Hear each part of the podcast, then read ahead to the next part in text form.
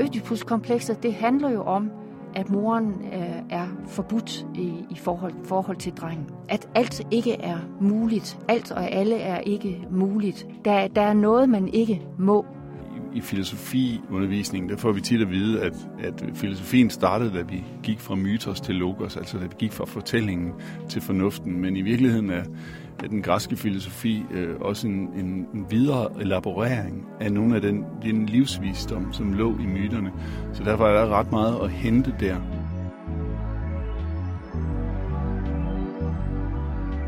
Du lytter til Filosofikum, en podcast om filosofiens store og små spørgsmål.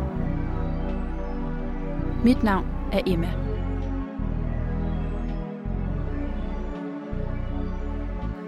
Vi er denne gang nået til sidste afsnit i programrækken Psykoanalytisk Sommer. Mange psykoanalytikere og filosofer har trukket på myter, særligt fra det gamle Grækenland. Men der er én myte, som skiller sig ud for de andre, i hvert fald med hensyn til indflydelse i psykoanalysen, nemlig myten om kong Ødipus, der har givet navn til det berømte Ødipus-kompleks. Vi skal have et genhør med vores tidligere gæster, nemlig lektor Judy Gammelgaard fra KU og lektor Kirsten Hylgaard fra DPU, der denne gang vil fortælle om Ødipus-kompleksets rolle hos henholdsvis Freud og Lacan. Derefter vil filosof Anders Fogh Jensen fortælle generelt om myters betydning i filosofien, og altså ikke kun psykoanalysen. Vi tager derved et skridt videre for psykoanalysen og ser på, hvad det er, der gør, at de græske myter til stadighed vækker filosofernes interesse. Men først skal vi lige høre selve myten, som det hele handler om. Derfor har vi inviteret ekstern lektor Gorm Thorsen fra Oldgræsk på KU ind til at fortælle os myten, sådan som Freud hørte den for første gang. Gorm har dog lige et par vigtige forbehold, vi må huske på, når det kommer til de gamle myter.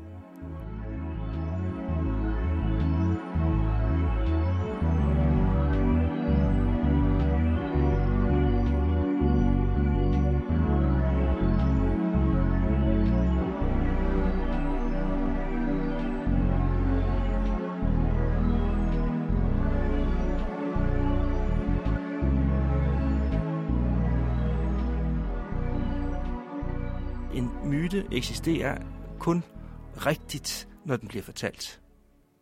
Selvfølgelig eksisterer den i en vis form øh, øh, som en slags idé inde i fortællerens eget hoved. Men den er altid bestemt af den kontekst, som den fortælles i, og myten kan derfor hele tiden forandre sig. Den kan øh, fortælles morsomt eller tragisk. Den kan fortælles alvorligt, ironisk og på alle mulige måder, afhængig af i hvilken sammenhæng myten bliver fortalt. Og det vil altså sige, at myten er plastisk, kunne man sige. I nogle versioner af Ødipus-myten for eksempel, øh, er Ødipus' søn øh, levende, i andre er han død. I nogle versioner begår hans kone selvmord, i andre gør hun det ikke. I nogle øh, øh, myter har man fornemmelsen af, at Ødipus nu er fuldstændig sat ud af spillet, men alligevel optræder han i andre varianter af myten, øh, for eksempel i et senere skuespil. Og det betyder altså, at øh, man skal være meget, meget forsigtig med at tale om Ødipus-myten øh, som en bestemt fast størrelse. Det betyder ikke, at der ikke er faste elementer i den, men forfatteren har altså truffet nogle valg. Og disse valg øh, er med til at bestemme myten i den pågældende form.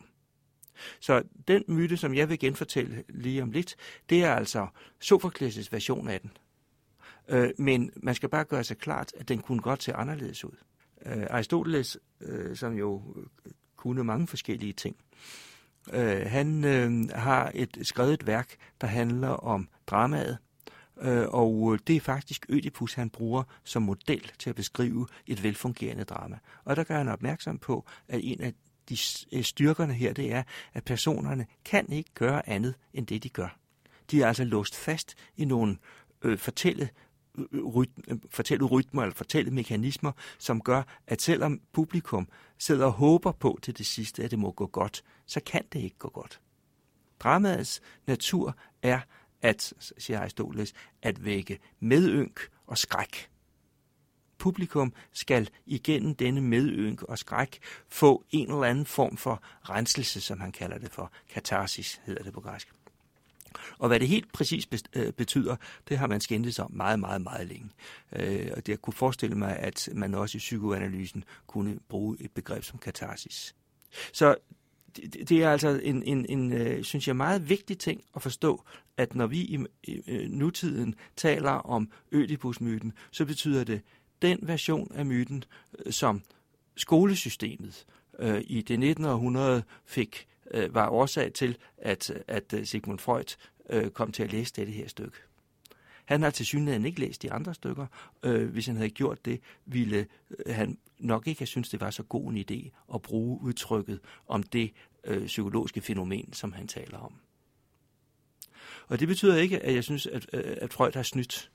Det vil nogen sige, og, og det er urimeligt af den slags ting. Nej, Freud gør i virkeligheden det samme som alle andre mytefortællere, nemlig indpasser myten til øh, det øh, medium og den situation, som øh, det skal fortælles i.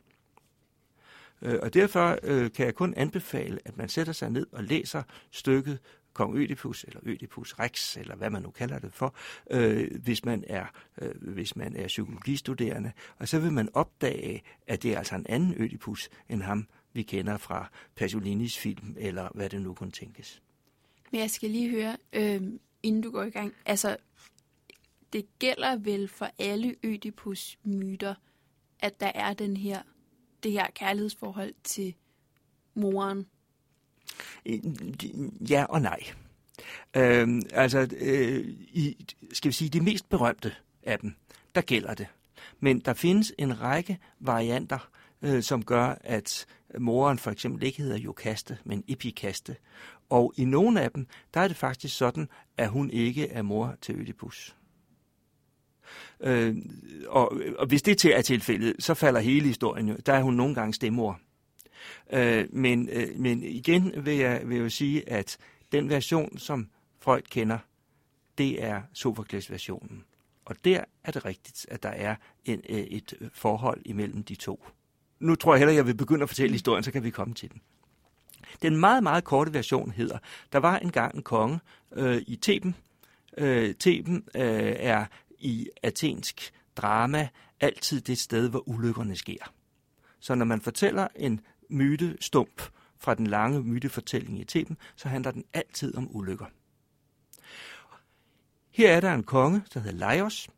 Laios har en kone, der hedder Iokaste, og de øh, øh, har ikke fået nogen børn, og derfor spørger øh, man oraklet i Delphi, som jo på mange måder er det vindue, man kan åbne ind til guderne, og hvor man kan få svar, øh, hvis man stiller spørgsmålene rigtigt. Og de spørger sig, hvorfor de ikke har fået nogen børn.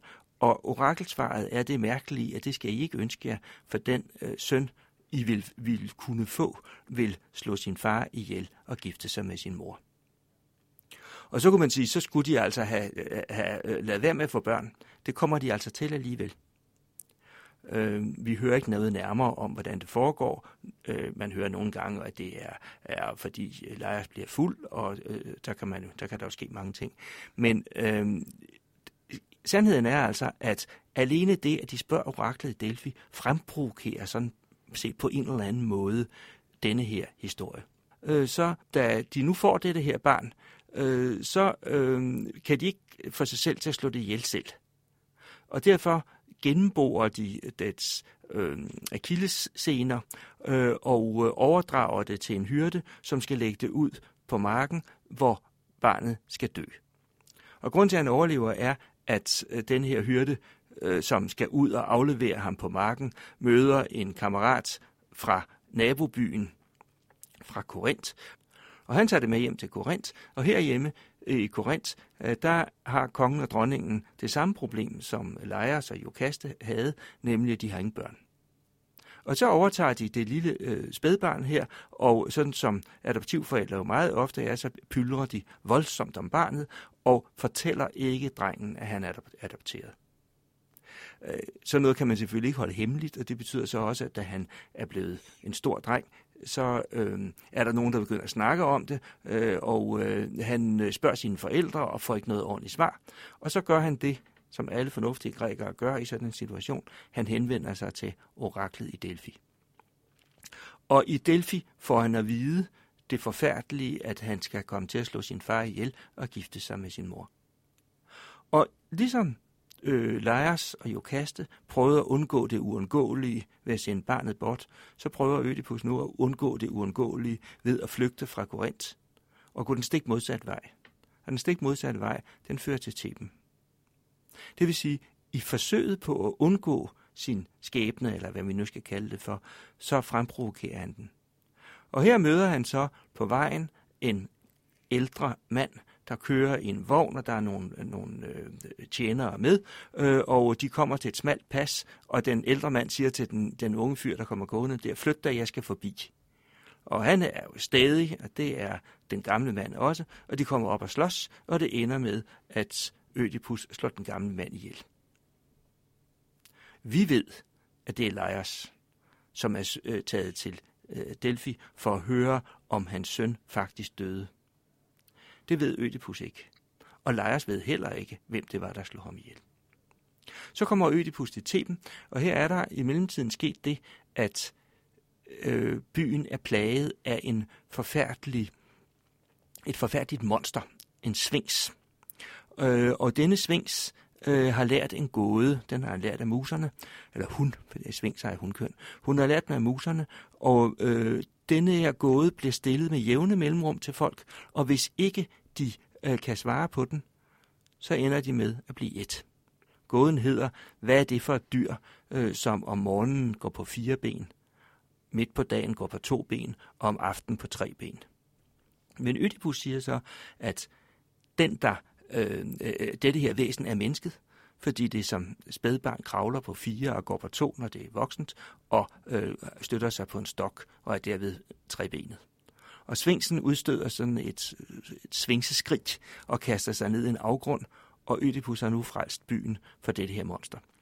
Så kommer han ind i byen, og øh, her sidder der en sørgende enke, øh, og øh, i nogle versioner har hun nogle børn. I andre versioner er et af børnene blevet spist.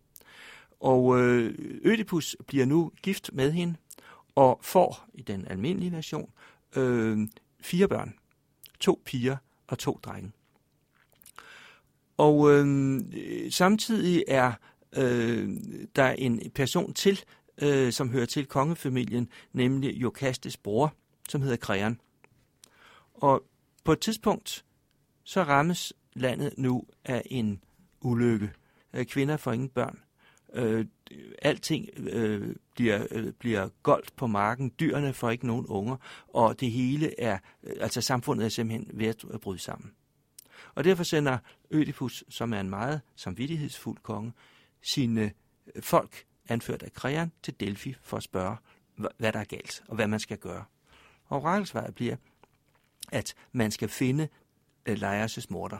Og det første Ødipus gør, er at sige, han, han skal findes. Der skal ikke være nogen som helst noget. Øh, der må, man må ikke lægge fingrene imellem. Han skal afsløres med det samme. Nu kommer en ny person ind på scenen. Det er Teiresias. Teiresias er en spormand, der øh, har den særlige evne, at han kan se ind i fremtiden, men han kan ikke se nutiden, fordi han er blind.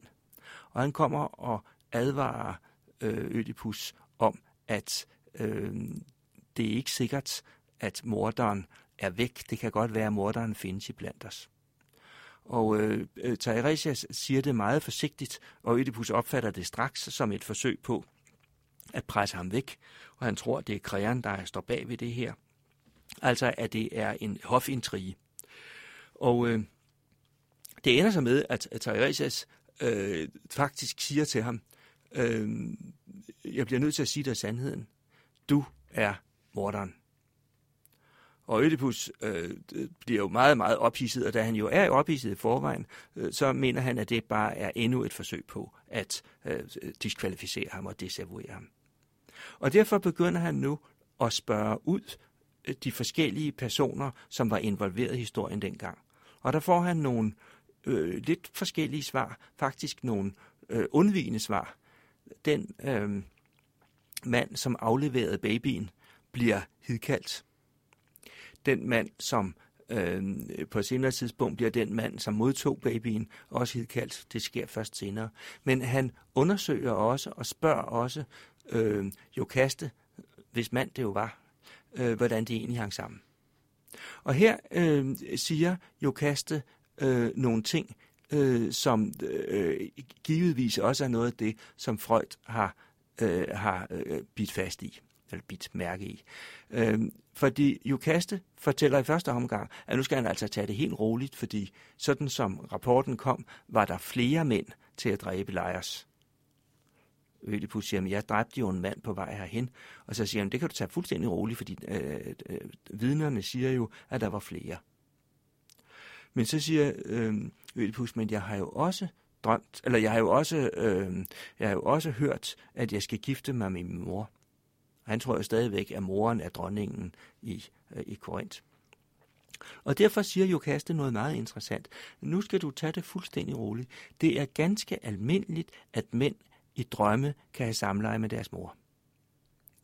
Problemerne kommer først i det øjeblik, øh, den, den hyrde, den modtager hyrden fra Korinth kommer, og hvor han øh, kommer til at afsløre sandheden, sagens rette sammenhæng.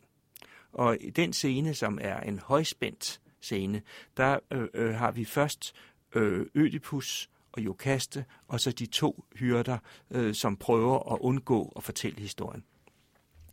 Og øh, den, der først forstår sammenhængen, er Jokaste. Og de lægger bare mærke til, at hun forlader scenen.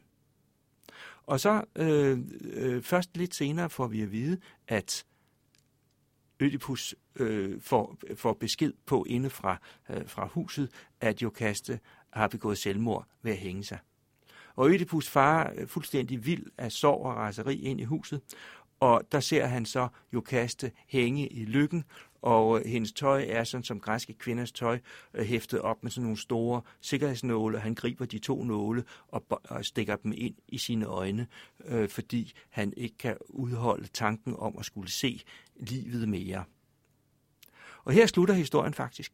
Øh, og den slutter altså med, at Krean, hans svoger, og morbror er han jo i virkeligheden også, øh, øh, øh, fører ham bort beskyttende, men øh, hvor vi har fornemmelsen af, at Ødipus nu er sat fuldstændig uden for en hvilken helst, øh, som helst form for indflydelse, og han også har tabt al menneskelig værdighed.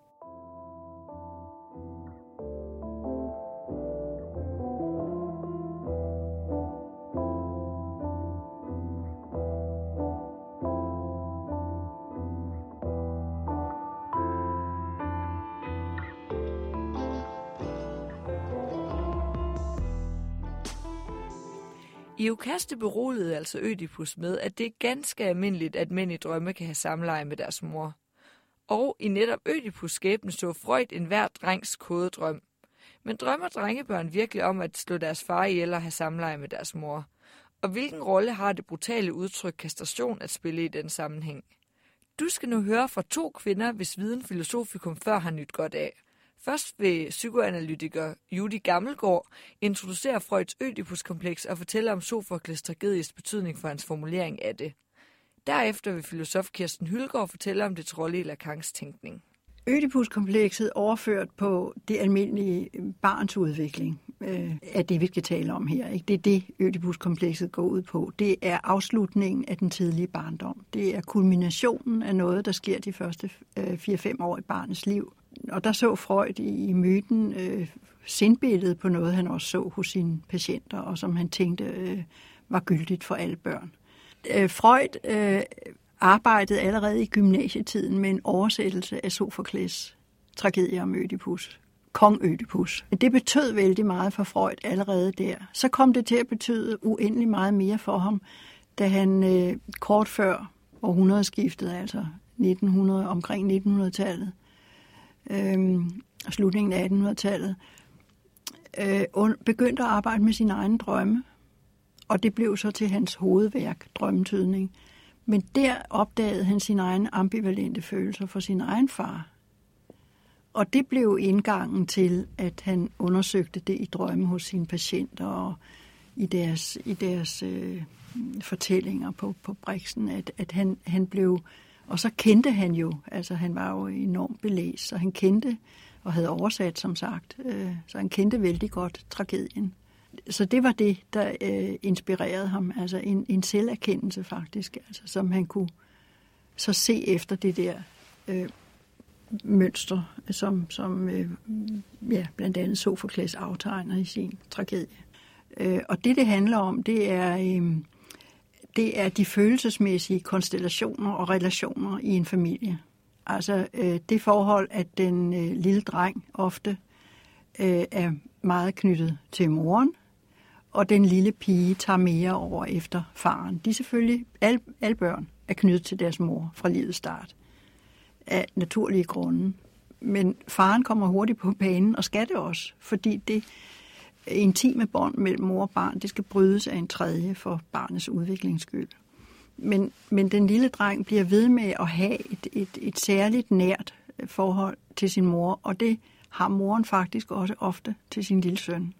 Og på den måde er der allerede et, et kønsforhold på banen, øh, både fra, fra barnets side og fra, fra morens side. Selvfølgelig ikke erkendt fra barnets side, fordi det elsker bare sin mor, det elsker også sin far.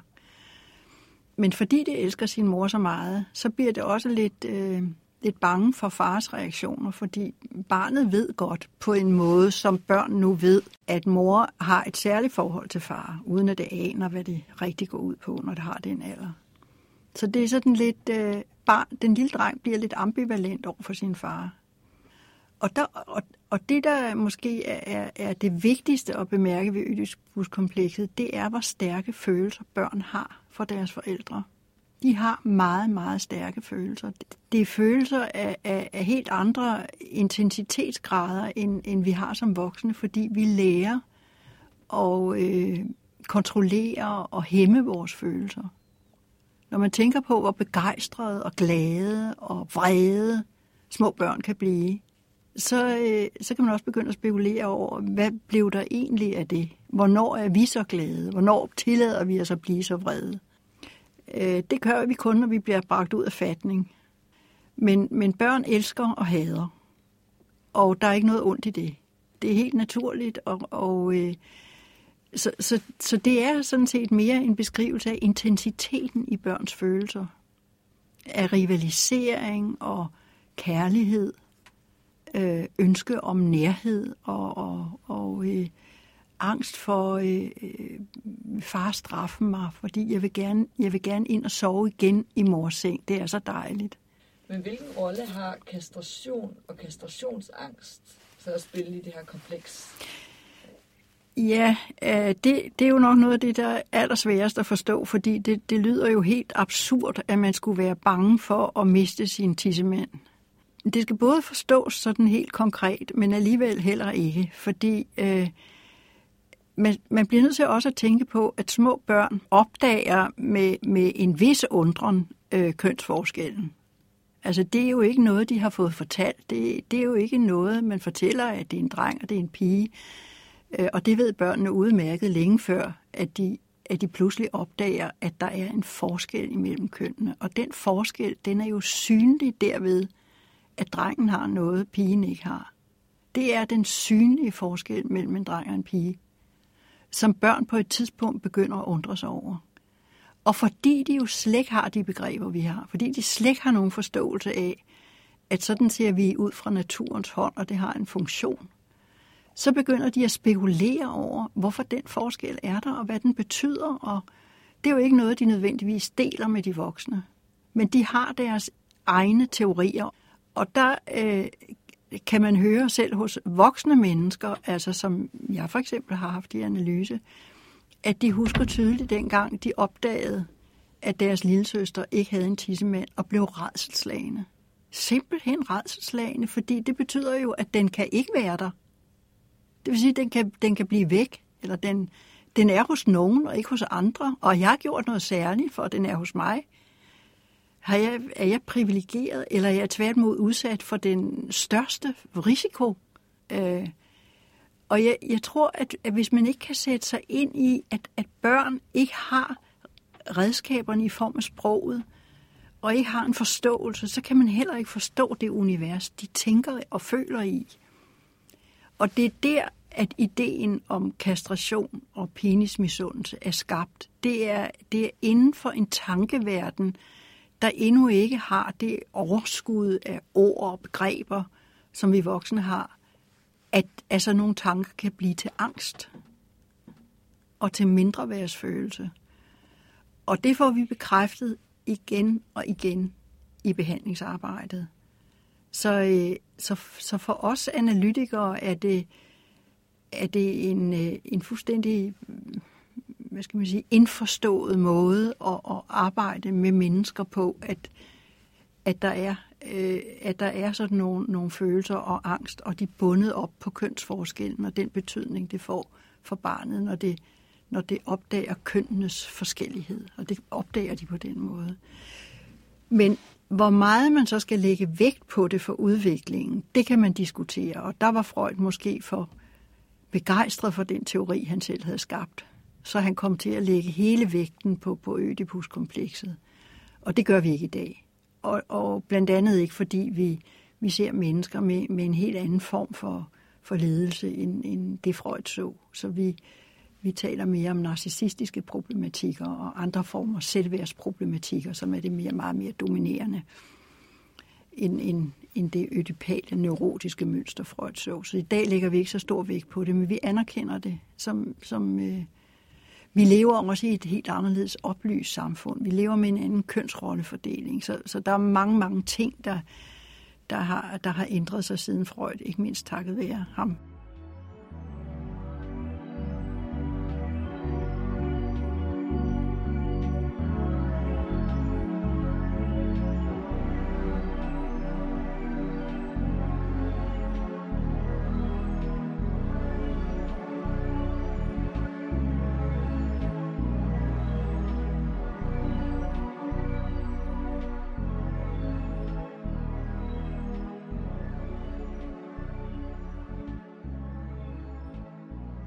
Ødipus-komplekset spiller ikke den samme rolle hos Lacan, som det gør hos Freud. Altså, det er snarere kastrationsbegrebet, der er det afgørende hos, øh, hos Lacan. Altså det, man jo altid også i karikerede fremstillinger Freud får, øh, får præsenteret der, det er, at, at Freud altid reducerer alt til den biologiske familie, far, mor, børn.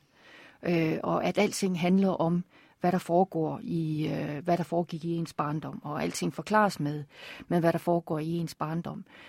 Øh, men så så enkelt er det ikke, øh, selvfølgelig ikke, øh, hos, øh, hos Freud.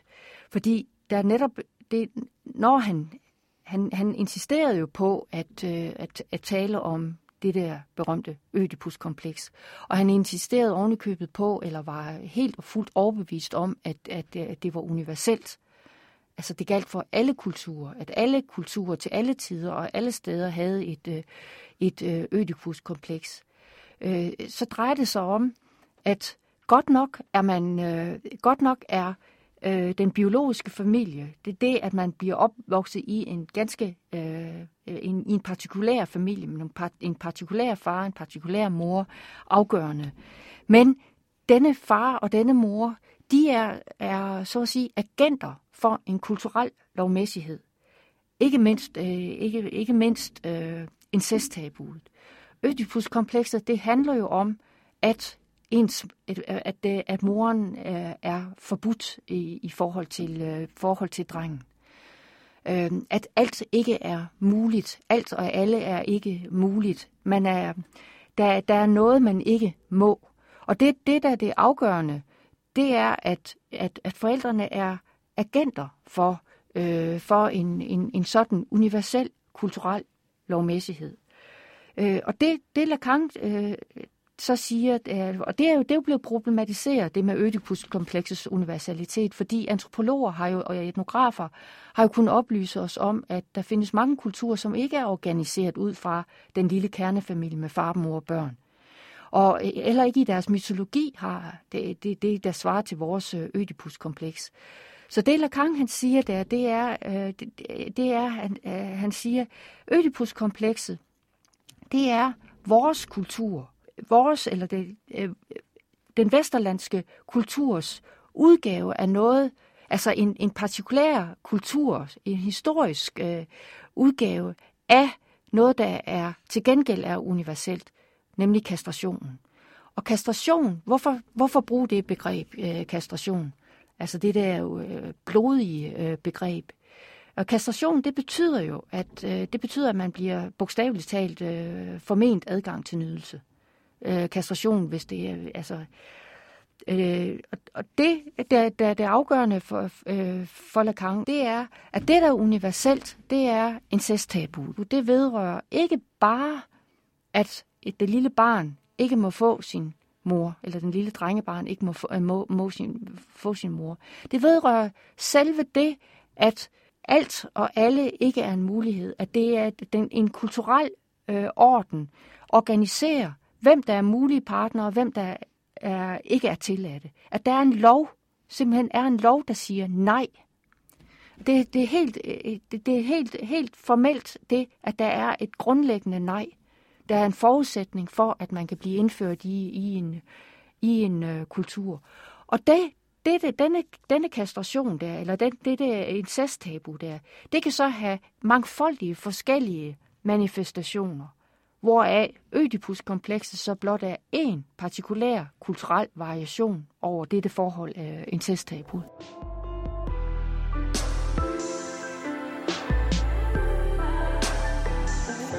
Freud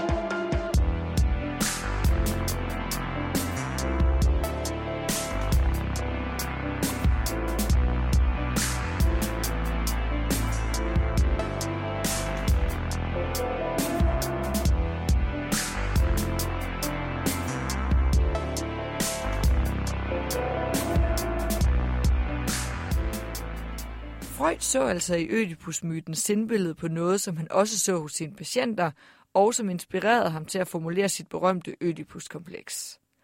Ødipuskomplekset er dog blot et blandt flere eksempler på, at græske myter har givet navn til psykologiske og eksistentielle fænomener og teorier. Men hvad er det, myten kan? Hvorfor griber filosofien, videnskaben og kulturteorien igen og igen tilbage til de græske myter – jeg har haft besøg af en af de filosofer, som har valgt at beskæftige sig med myter, nemlig Anders Fogh Jensen. Øh, ja, jeg hedder Anders Fogh Jensen. Jeg er filosof. Jeg arbejder som selvstændig. Øhm, og har i nogle år beskæftiget mig med både sådan øh, menneskers personlige historier og narrativer, og, øh, og også med, med myter. Og øh, noget af det, der, der slog mig, da jeg beskæftigede mig med, med, ja, med menneskers øh, fortællinger sådan i, i terapisammenhæng, det var, at der var sådan en, en del fællestræk over, selvom alle historierne var individuelle, så var der en del fællestræk, som gør, at man måske får den tanke, måske fortæller vi alle sammen varianter over nogle af de samme grundmønstre, når vi skal fortælle vores liv. Og det bragte mig sådan lidt i, i retning af, af myten. Jamen, man kan sige, at i filosofiundervisningen, øh, der får vi tit at vide, at, at filosofien startede, da vi gik fra mytos til logos, altså da vi gik fra fortællingen til fornuften. Men i virkeligheden er, er den græske filosofi øh, også en, en, en videre elaborering af nogle af den, den livsvisdom, som lå i myterne. Så derfor er der ret meget at hente der. Øhm, det, der er meget vigtigt, når man øhm, beskæftiger sig med myter, det er, at man ikke tager dem alt for bogstaveligt, men at man tager dem alvorligt. Øhm, og med det mener jeg, at, at øh, Paulus har sådan et udtryk, hvor han siger, at, at bogstaven slår ihjel, men ånden gør levende. Og med det mener han, at, at hvis man ikke forstår tingene med ånd, så misforstår man dem. Og, og den måde at læse myter på, som nogle, øh, man kan se historiske programmer på tv for eksempel, øh, som prøver at sige, levede Jesus, eller gjorde han ikke? Gik han på vandet? Kunne det lade sig gøre, eller kan det ikke lade sig gøre? Det er sådan set en misforståelse af myten, hvor man tager den for bogstaveligt. Øhm, og man kan samtidig også forestille sig nogle religiøse øh, bevægelser, som siger, at det var fuldstændig sådan, som det siges i myten, at det skete. Så jeg har to typer af misforståelser, der tager myten for bogstaveligt. Og den ene siger, at det er fuldstændig sandt, det den siger. Og den anden siger, at det er fuldstændig falsk. Han gik ikke på vandet, for eksempel. Det, der så er det vigtige, når man læser myter, det er at forstå det sande i det falske. Hvad er det, der er sandt i det, som bliver fortalt? Hvis ikke der var noget sandt i det, så ville det formentlig ikke blive ved med at blive genfortalt igen og igen og igen. Det har noget mytestof, som er, øh, hvad kan man sige, grundlæggende øh, eksistentielle og, og kosmologiske temaer.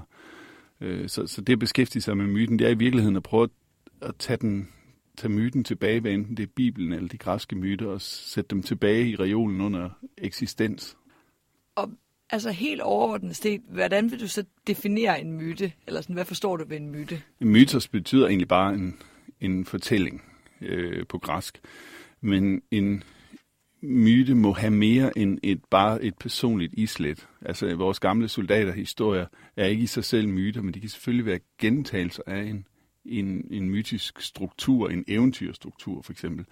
Så ved en, ved en myte forstår jeg en fortælling, der er øh, rummer noget, ja næsten universelt, som er genfortalt så mange gange, og som vi så kan brygge forskellige konkrete historier op over. Altså hvis man tager Tristan og Isolde-myten for eksempel, så har den en, en grundstruktur i trekantsdrama, som man kan lave utrolig mange Hollywood-film over. Så den er ligesom mere elementær. Var en tysk øh, øh, kulturantropolog, der hed øh, Adolf Bastian, som skældnede mellem elementargedanke og folkegedanke. Altså at der er en, en elementær tanke, for eksempel, du må ikke vente om øh, at kigge for meget på de døde, fordi så stivner du. Men den kan få alle mulige forskellige kulturer, alle mulige forskellige øh, konkrete varianter. I Japan lyder den på en måde, og i Grækenland lød den øh, mere som Orpheus og Euridike. Men hvad er det så, der, sige, der gør, at vi fortæller myter? Det er fordi, altså myter har en, en, en vigtig funktion i forhold til at, at åbne vores horisont på. Altså de har en, en, en, en forsonende funktion i forhold til, til skæbne, i forhold til det, der skal ske, i forhold til, hvorfor livet er lidelsesfuldt. Øh, Øh, hvorfor skal det gøre ondt at føde? Hvorfor skal det være så besværligt at udvinde kornet? Og hvorfor skal det blive vinter og sådan noget? Det har en funktion, forsonende funktion i forhold til, til livet og eksistensen. Men der er også en, en, en mytisk funktion, eller, eller en mystisk funktion, hvad skal man sige. Den, den åbner ligesom for, der er mere til der er mere til tilværelsen end det, som lige umiddelbart viser sig. Der er mere end at få ordnet sit daglige kontorarbejde og få orden på kalenderen. Der er noget, der, der, der åbner for noget større, og det, er, og det er også det, som, som, som myten hjælper til. Så giver den også et, altså der har sådan en kosmologisk funktion, den giver et verdensbillede at orienterer sig i, i, i forhold til, ja, så man kan sige, hvis man virkelig går, går til øh, naturvidenskaben, så rummer den sikkert også nogle, nogle, hvad kan man sige, nogle lidt quasi-mytologiske opstillinger af verden. For eksempel, at det startede med et Big Bang, og så udvider det sig, så trækker det sig sammen igen og sådan noget. Det er også en, det er i hvert fald en kosmologi, en, et verdensbillede, man kan orientere sig efter. Øh, så der er altså en opsparet visdom i myten, som øh, man skyller ud med badevandet, hvis man forstår myte som løgn, som vi jo gør meget i det i dagligsproget, hvor vi for eksempel siger, en mytoman, det er en, der, der render rundt og lyver hele tiden. Man kan sige, på en måde så er myten jo egentlig det, at der aldrig er sket, men som hele tiden hænder. Altså, det, det er aldrig sket, at Odysseus sejlede rundt der, men det hænder hele tiden, at folk har hjemmelængsel. Hvordan hvordan skal man forstå myten som det sande øh, i det falske? Aristoteles han havde sådan en tredeling omkring, øh, omkring myten eller fortællingen. Mytos betyder fortælling. At, at der er en, en dianoia, der skal formidles. Det vil sige, det, der egentlig, det, det egentlig handler om. Øh, det kan være den, den, den fornemmelse, forfatteren har inde i, eller selve det eksistentielle tema. Det må altid tage, øh, have en ethos. Det vil sige, det tager altid en form det må handle om, øh, for eksempel hvis vi siger, at det, der skal formidles, det er det, følelsen af at miste kontrol. Ikke? Så kan, det, så kan det, det kan have forskellige former. Det kan være det at sidde på et, et, et, et damplokomotiv, der går amok, eller sidde på en hest, der går amok, eller et æsel, eller øh, forskellige lokale øh, rekvisitter, kan vi sige. Det er etosen, og så må det puttes ind i et forløb, som vi i dag kalder et plot, men som, som mytos egentlig er. Altså mytos er øh, fortællingen med nogle bestemte rekvisitter, ethos, der skal formidle en dianoia, en, en, øh, en grundlæggende øh, følelse. Og det er måske den der, altså at, sige, at forstå det sande i det falske, det er at sige, at det handler ikke om etosen, det handler ikke om Jesus red på et æsel eller en hest, eller om Adam og Eva spiste finer eller æbler. Men det handler om øh, øh, det at falde, eller det at ankomme. Øh, og det er egentlig det, der er det, øh, det sande i det falske, øh, som myten er. Ja, og nu tænker jeg lige i forhold til det her med forholdet mellem øh, så mytos og logos, eller mytologi og filosofi. Hvad er det så, der, der så adskiller filosofien fra myten? Nu snakker du om, at du gerne vil gøre op med den her, at der skulle være et eller andet, et, et brud, der sker, når man går fra mytos til logos. Men hvad er det, du mener, der sker, når man tager nogle af de her erkendelser fra myten, og putter dem på, hvad kan man sige, filosofisk form? Eller på... Jeg tror, man, man, man potenserer fornuften, så at sige. Altså, det er ikke, at man skal vende tilbage fuldstændig til at, at bare øh, fortælle myter og fortælle historier. Filosofien har sådan set sin berettigelse, men den har måske, som også Adorno og Horkheimer gør opmærksom på i oplysningsdialektik, den har haft for travlt med at øh, adskille sig og distancere sig til myten, så den er blevet en ny mytisk fornuft. De mener jo, at der allerede var oplysning i Odysseus, men at oplysningen i sig selv er slået over i mytologi, fordi den har haft for travlt med at sige og, og, og tage afstand til, til, til myten. Så det handler om at få et, et afbalanceret forhold til øh, myten og fortællingen, hvor man kan inddrage den visdom, uden at tage den helt bogstaveligt.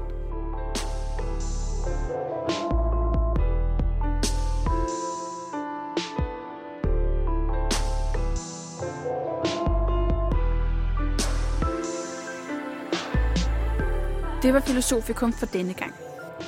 Filosofikum produceres af Rosa Skødt Bur, Rebecca Kasko Skadhed, Katrine Høhøj og Emma Inge Hansen. Musikken er lavet af Joachim Køjerup og Andreas Murga.